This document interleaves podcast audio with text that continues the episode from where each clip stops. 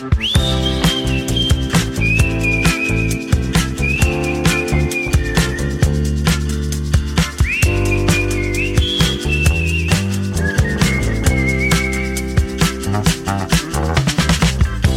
Sílvia, Hola, Andreu. què tal, com estàs? Bé, i tu? Molt bé. Mira, encara ric de l'últim vídeo que vam publicar, o el penúltim, vaja, el del repte que van fer els, els companys d'Easy Languages. Ha quedat molt divertit, eh? Sí, És boníssim, és boníssim, sí. és molt bo. És aquell vídeo, per qui no l'hàgiu vist, en què el Joan demana als altres membres d'Easy Languages que llegeixin o intentin llegir i pronunciar unes quantes paraules en català. I és molt divertit. O sigui, val molt la pena aquest vídeo. Pensa que hi havia, no me'n recordo quantes hores de, de gravació fetes, tres hores de gravació contínua Uau. fetes, i el fet d'editar el vídeo va ser una feinada molt gran, però ha quedat molt, molt divertit i molt, molt guai. Estic molt contenta. Uau, 3 hores convertides en 14 minuts. Exacte. sí. Déu-n'hi-do. sí. déu nhi sí. I els subtítols també van ser tot un repte. Durs Allò sí que va ser un repte. Sí, Déu-n'hi-do. Déu-n'hi-do. però bé, molt divertit. I hi ha gent que ho fa molt bé, eh? S'ha de Sí. dir que... Jo no sé si ja són fans d'Easy Catalan, no ens ho han dit, escolten el podcast o alguna cosa, però, per exemple, el Matías i el Manuel d'Easy German ho Sí. feien superbé. El Dimitris, d'Easy El Dimitris també. gairebé les encerta totes. El company d'Easy Turkish també. També. Increïble. El Barking. Sí, sí. Mm, sí. Mm -hmm. I les dues noies que fan Easy Check Mm -hmm. també van, van endevinar moltes, moltes paraules. Ho van dir molt bé. És veritat. Sí. Sí, sí, sí. I a més tenen molta... són, són molt divertides. I com no, la Rita d'Easy French també. Eh? Vull Home, la Rita i tant, mai es queda enrere, mai es queda enrere. amb les seves bromes. Bé, és que no té pèrdua, heu de mirar aquest vídeo. si no ho heu fet, ho heu de fer ja. És boníssim. I bé, em, em sembla que també hem d'agrair molt la feina que va fer el càmera, no? Home, oh, i tant. És que aquell dia havíem programat gravar aquest vídeo com fem normalment, vull dir, jo sent l'entrevistadora i el Joan al càmera, però com que jo havia d'anar a gravar altres vídeos de col·laboració amb altres equips i necessitàvem un càmera, el Justin de Easy Languages es va, es va prestar, va dir si voleu us ajudo jo i va estar fent de càmera que va, era la primera vegada a la seva vida que agafava una càmera. Per tant, uh Mhm. -huh. eh, moltíssimes gràcies Justin per aquesta feinada que vas fer, per aquestes hores que et vas passar allà amb el Joan gravant el vídeo perquè ho veu fer tots dos. Fantàstic. Uau, i era el primer cop que agafava una càmera. Sí, Doncs molt bé, sí. Carai. Sí, sí. Molt bé, molt bé. Ho va fer superbé. carai, molt bé. A l'últim episodi ja us vam comentar que a partir d'ara tots els episodis del podcast tenen l'ajuda de vocabulari. Per tant, si sou membres de la comunitat d'Easy Catalan, heu de saber que si mireu a la pantalla mentre esteu escoltant aquest episodi, podeu veure l'ajuda de vocabulari. Exacte. Si us heu fet concretament membres de la subscripció de podcast o d'una subscripció superior, tindreu accés a aquest avantatge que hem pogut desbloquejar fa poc, fa unes poques setmanes, quan vam arribar als 115 mecenes. Ara el nostre proper objectiu és arribar als 130 i un cop assolim aquesta fita, començarem a publicar tres episodis del podcast. 3! I algun dia, més endavant, quatre, que això ja serà bestial, no? Però pas a pas, primer dos, després tres, després quatre. Per tant, si ens voleu ajudar a fer realitat això i que puguem publicar amb més freqüència, doneu una ullada a easycatalan.org barra membership i feu-vos membres. Tema del dia. Doncs, dit això, Sílvia, jo avui et porto un tema Mm -hmm. per parlar i he triat aquest tema, que ara et diré quin és, després, després de... després d'escoltar una entrevista molt interessant que li van fer a la Marina Garcés, que és una filòsofa Mm -hmm. catalana. No sé si et sona el nom de No, la Marina Garcés. però no, no, no em sona. Bé, no, no passa res. La qüestió és que dintre del camp de la filosofia, que jo no en sé gaire, és de les veus més, més escoltades, que sonen més últimament, Mm -hmm. i parlava del concepte de l'amistat i dels Ai, amics. mira, quin tema tan bo. D'acord. Doncs sí, i feia unes reflexions molt interessants, entre d'altres, que l'amistat és una de les poques relacions socials, si no l'única, que no hem formalitzat, que no hem institucionalitzat de cap manera. Perquè si t'hi pares a pensar, la majoria de relacions socials entre familiars, doncs hi ha uns lligams i fins i tot hi pot haver documents que Sí, et és clar. Mm -hmm. i hi ha documents, vaja, que et vinculen amb els teus familiars Sí. amb els companys de feina, òbviament també, hi ha un contracte Mhm. que et vincula amb aquella gent. Amb el conductor de l'autobús hi ha el bitllet que certifica l'acte de, diguem, de compra-venda d'un servei, no? Sí. Per tant, l'amistat al final és, és pràcticament l'única relació que no, per a la qual no hi ha un requisit formal o que no està institucionalitzada com a tal. No? I aquesta reflexió em va semblar super interessant i vaig pensar, doncs, per què no parlem de l'amistat al podcast d'EasyCat? Oh, i tant! Molt bé. Aleshores, um, bé, jo he preparat al- algunes preguntes, però Mhm. podem anar cap a on la conversa ens porti, no? La primera pregunta que et volia fer és què és per a tu un amic? És molt Mhm. difícil. Jo crec que cada relació d'amistat que tu puguis tenir és diferent d'una altra. Em refereixo que el grau d'amistat que tu tens amb una persona varia moltíssim. Jo mai he sapigut on és el llindar entre conegut i amic. Ja, I fins i tot hi ha una figura entremig de conegut i amic que no té nom, però que és allà. és molt complicat. clar, si no té nom és perquè sempre a la llarga tirarà cap a una cosa o cap a una altra, no? És difícil que algú es quedi per sempre en aquesta indefinició de no sé si és conegut o és amic. Yeah. Suposo que a la llarga s'acaba definint.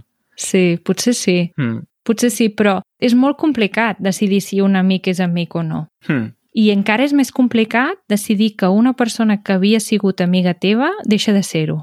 Sí, això és complicat. Perquè quan tu has tingut una amistat de veritat i, i és el teu amic o la teva amiga de veritat i heu viscut moltes coses plegats i us heu explicat moltes coses, si arriba aquell moment a la vida, perquè pot arribar que els vostres camins se separen perquè viviu en llocs diferents o perquè ja no estudieu en el mateix lloc o mil coses, no? O perquè una persona té més feina que l'altra i no podeu quedar Mm. tant o el que sigui i us distancieu, en quin Mm. moment decideixes que ja no tens una relació d'amistat amb aquella persona?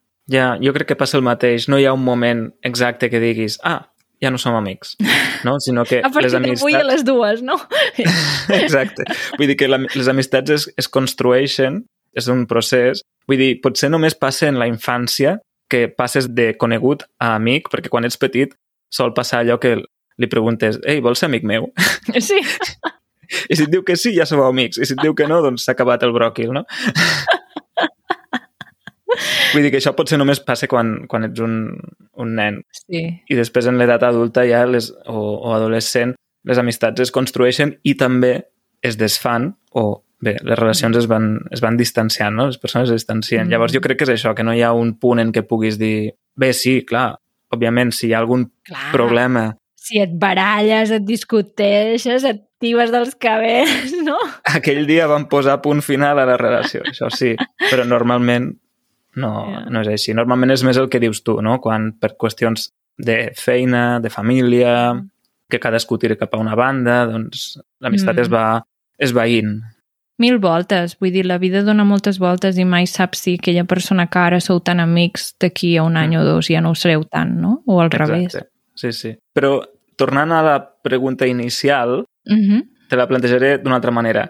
Què busques tu en els teus amics? Què ha de tenir algú perquè sigui amic de la Sílvia? Primer de tot, que sigui molt sincer. Uh -huh. Vull dir, la sinceritat per davant de tot.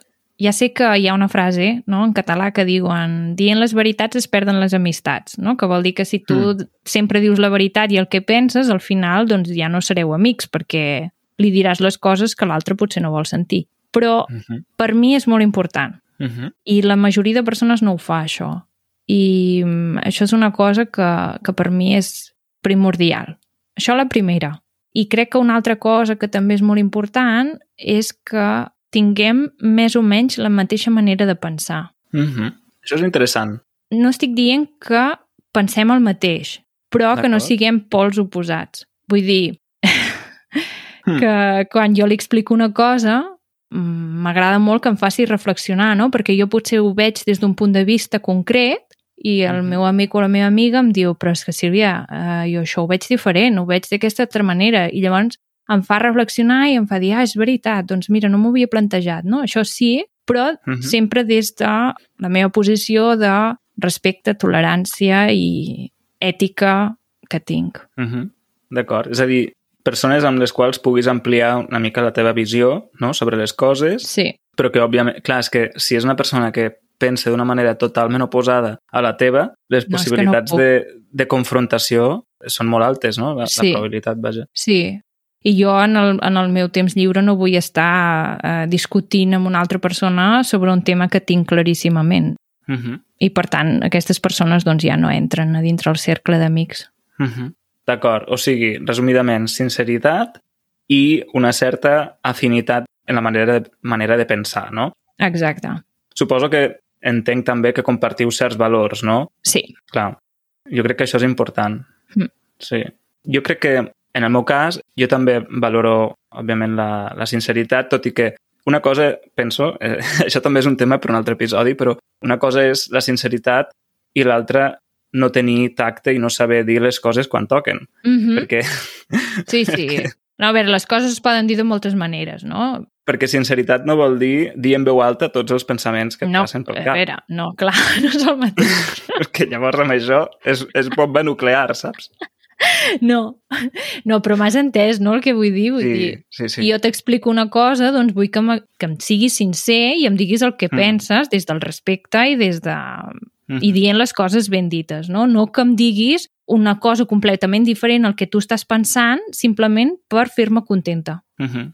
Jo crec que això, aquests dos elements que has dit tu, podrien ser més o menys universals, no? En el sentit que les persones, quan volem fer un amic, busquem algú amb qui ens sentim segurs, no? I la sinceritat dona seguretat, Mm, perquè saps que aquella persona doncs, és transparent cap a tu, sí. i amb la qual doncs, et pots sentir a gust i estar tranquil i tot això.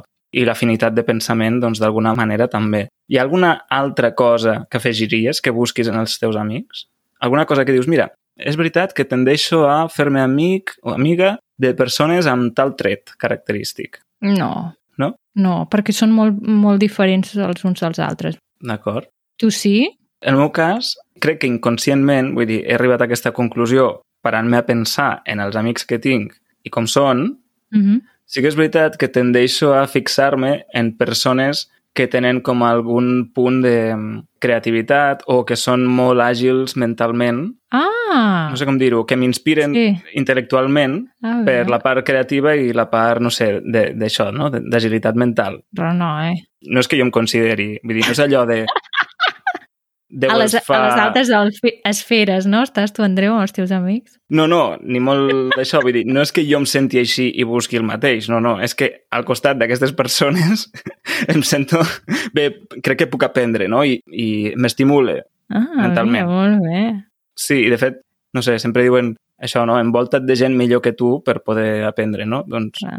potser a vegades sí que em fixo més en, en persones de les quals crec que puc aprendre o que, Mm. això, que em, que em suposen un estímul d'alguna manera. Mm. O perquè tenen una personalitat complexa o coses així. Mm. però òbviament també per davant de tot el que valoro doncs, és la sinceritat, d'alguna manera la, la lleialtat, no? que una persona et sigui lleial en el sentit que, que, bueno, que puguis comptar amb aquella persona. Mm -hmm. Sí, i després, pel que fa al pensament, també m'agrada, de fet, fixant-me en la gent del meu voltant, la majoria tenen opinions força diferents i a vegades radicalment oposades a les meves. Ah, mira. Sí, hi ha força gent al meu voltant que són d'ideologia molt I no et diferent. molesta? A vegades sí, a vegades hi ha friccions. D'acord, però, però bé, no d'acord. sé, és el que hi ha. Molt bé. No, és que estem aquí dient com és el nostre amic ideal, però els Mhm. amics no es trien de vegades tampoc. Vull dir, una mica sí, però Clar. tampoc. Vull dir, les amistats venen i van i de vegades et trobes que eh, sou amics amb una persona i potser sou molt diferents, no? I això que t'acabo de dir Mhm. potser no és al 100% així, però sou Clar. amics i ja està. Exacte. I tu, Sílvia, ets de tenir una colla d'amics amb la qual t'hi trobes regularment o tens, per exemple, més, o sigui, com relacions individuals? Una mica de tot. Quan era adolescent, doncs sí que tenia la colla, no?, que quedàvem sempre tots i et feies més amb uns que uns altres i no sé què, però llavors ja cadascú se'n va anar per la seva banda i ja va, va desaparèixer això de, del terme de la colla i tot això. I ara mateix, en aquest moment, tinc moltes relacions individuals amb diferents persones, Uh -huh. però sí que tinc com una colla, que som, uh -huh. som Mhm. poquets, som cinc, però sí que quedem i, i de vegades fem coses junts, no? I això. Llavors, depèn, depèn, depèn amb la persona. Uh -huh. I aquesta colla és dels amics del col·legi o de l'institut? Sí, del col·legi, sí. Mm. Jo també, en el meu cas, jo conservo la colla de l'institut i la veritat és que ara estem una mica dispersats perquè Mm. és això, no? La vida, Sí, que un s'ha casat, se n'ha anat a, a viure als Estats Units, clar, imagina't. jo visc a Barcelona, tots Ja. ells, la resta són a Lleida o en diferents pobles, llavors Mm. ja és com que tots junts ens veiem potser un cop l'any Mm -hmm. i després la veritat és que les, les relacions d'amistat que tinc doncs són totes així individuals, no? I a més a més Mm. molts viuen en altres ciutats o en altres països. No sé, crec que les relacions d'amistat són molt complicades perquè, per exemple, en el moment en què estic vivint ara, Uh -huh. és molt complicat mantenir les amistats. Vull dir, jo ara em trobo en un moment de, de la meva vida en què les meves amigues es casen, tenen fills, formen una família, Mm. tenen altres preocupacions i ocupacions i llavors no poden quedar amb mi. Uh -huh. I crec que és molt complicat fer nous amics. Saps què Mm. et vull dir? O sigui, mantenir Sí. els que tenies és complicat perquè cadascú té moltes més coses i per tant no té tant temps, etc. I fer-ne de nous també em sembla molt complicat perquè passa el mateix, o sigui, les persones de la teva edat doncs estan en, el, en aquesta època vital, no? Clar. I crec que és molt complicat trobar un lloc on poder conèixer gent nova per acabar fent-te amic d'aquelles persones. Mm. Clar, no és el mateix fer amics als 20 anys que als 30. No és Ja. el mateix. Perquè estàs en moments vitals diferents. Mm. No? També depèn de la Sí. persona, òbviament, perquè, clar, hi ha persones que fan amics allà on van. Hi ha persones que tenen una facilitat innata de connectar amb tothom, no? Sí. Jo en el meu cas reconec que no, jo, jo em considero una persona tímida i a mi em costa força començar, és a dir, em costa fer el pas, diguem, de dirigir la paraula a un desconegut i, Sí. i començar a xerrar. És una cosa que sempre m'ha costat. Llavors, després, un cop s'ha superat aquest pas, m'obro i, i puc parlar de molts temes i m'agrada, doncs això, m'agrada fer amics i mantenir Mm. relacions d'amistat, però l'inici és una cosa que sempre m'ha costat. És molt complicat, sí. Mm. Però bé, i després tens persones com la Sònia de Easy Catalan que no té cap problema en, com en començar una conversa amb, amb qualsevol, no? Amb qualsevol que passi en qualsevol moment. Sí. I um, tu tens amics que no siguin de la teva edat? Sí, és clar. Crec que ja ho havia explicat algun altre dia que els divendres vaig a caminar a fer marxa nòrdica i Mhm. totes aquelles persones que conec allà, potser no que no tenim una relació d'amistat molt, molt forta, però ens trobem cada setmana, parlem durant hores. Potser seria aquella figura que he dit fa un moment, que no és amic de que els truques quan estàs malament, però els veus cada setmana i parles amb ells cada setmana, però tampoc és un conegut. Llavors, Uh -huh. diria que són aquesta figura aquí entremig i totes aquestes persones són d'una edat molt més gran que jo. I m'hi porto fenomenal, vull dir, tenim una relació molt bona, estic supercontenta quan estic amb ells, ric molt i no tinc cap mena de problema. Sí, no, és que és curiós perquè jo fixant-me, per exemple, la meva parella, la majoria dels seus amics són de la seva mateixa edat. I en el meu cas, jo tinc amics que, que potser em treuen 20 anys o, o 30, Mm. Mm alguns, no són gaires, però alguns en tinc que potser els he conegut, doncs jo què sé, en un curs d'idiomes o, Mhm. o d'alguna altra manera, no? Però -hmm. sí, i penso que, no sé, que realment és com limitar-se, no? Buscar gent, que, No, clar. gent només de la teva edat, quan Sí, pots trobar afinitats en persones més joves, persones més grans. sí, és clar. Bé, no sé, és curiós. No crec que, que l'edat marqui molt, el que passa és que de vegades la gent sí que marca molt les edats. Mm. per mi no és un problema, però hi ha molta gent que potser si et veu més jove o et veu més gran, doncs dirà no, no, com a conegut sí, però no, com a amistat. Clar. Parlant de tot això, clar, també podem caure en una pressuposició que és que tothom té amics. I No, clar. no tothom té amics o no tots hem tingut amics sempre. És a dir, un es pot trobar en la situació en un moment donat que consideris que no tens amics. Pot ser perquè penses, he canviat, Mm. no? Aquesta era una de les reflexions que feia la, la filòsofa que t'he comentat al principi, la Mhm. Marina Garcés, que diu que al llarg de la vida doncs, una persona també doncs, va madurant i d'alguna manera va canviant. I a mesura que canvies, doncs, és això, no? hi ha amistats que van quedant enrere Sí. i d'altres que han de sorgir. És a dir, el tema de l'amistat, um, suposo que hi ha gent que té un amic de tota la vida. jo, per exemple, tinc un amic que fins ara puc dir que és de tota la vida. No sé si arribarà, arribarem a la bellesa Mm. encara sent amics, qui sap. Però el que vull dir és que, que és això, no? que un es va construint al llarg de la vida. Mm. Un pot canviar d'opinió, de manera de pensar, Yeah. de preferències i pots trobar-te en una crisi d'aquest sentit. O pot ser perquè te n'has anat a viure a un altre lloc i encara no tens cap amic allà, Mm. saps? Vull dir que això també és un tema. Tu has comentat quan ja ets més adult, però quan ets nen també pot passar, vull dir, També hi ha molts nens que no tenen amics o amigues. Si de veritat vols viure així, o sigui, sense amics ni amigues, també jo crec que és una forma de viure bona, plena i sense cap mena de problema. Vull dir, conservar una amistat també és molta feina. Mm. Sempre hi ha un que la conserva més que l'altre. Refereixo que truca, que es preocupa, que busca alguna cosa per fer, diu de quedar, i sempre hi ha els altres que, que van seguint però no se'n preocupen tant, no?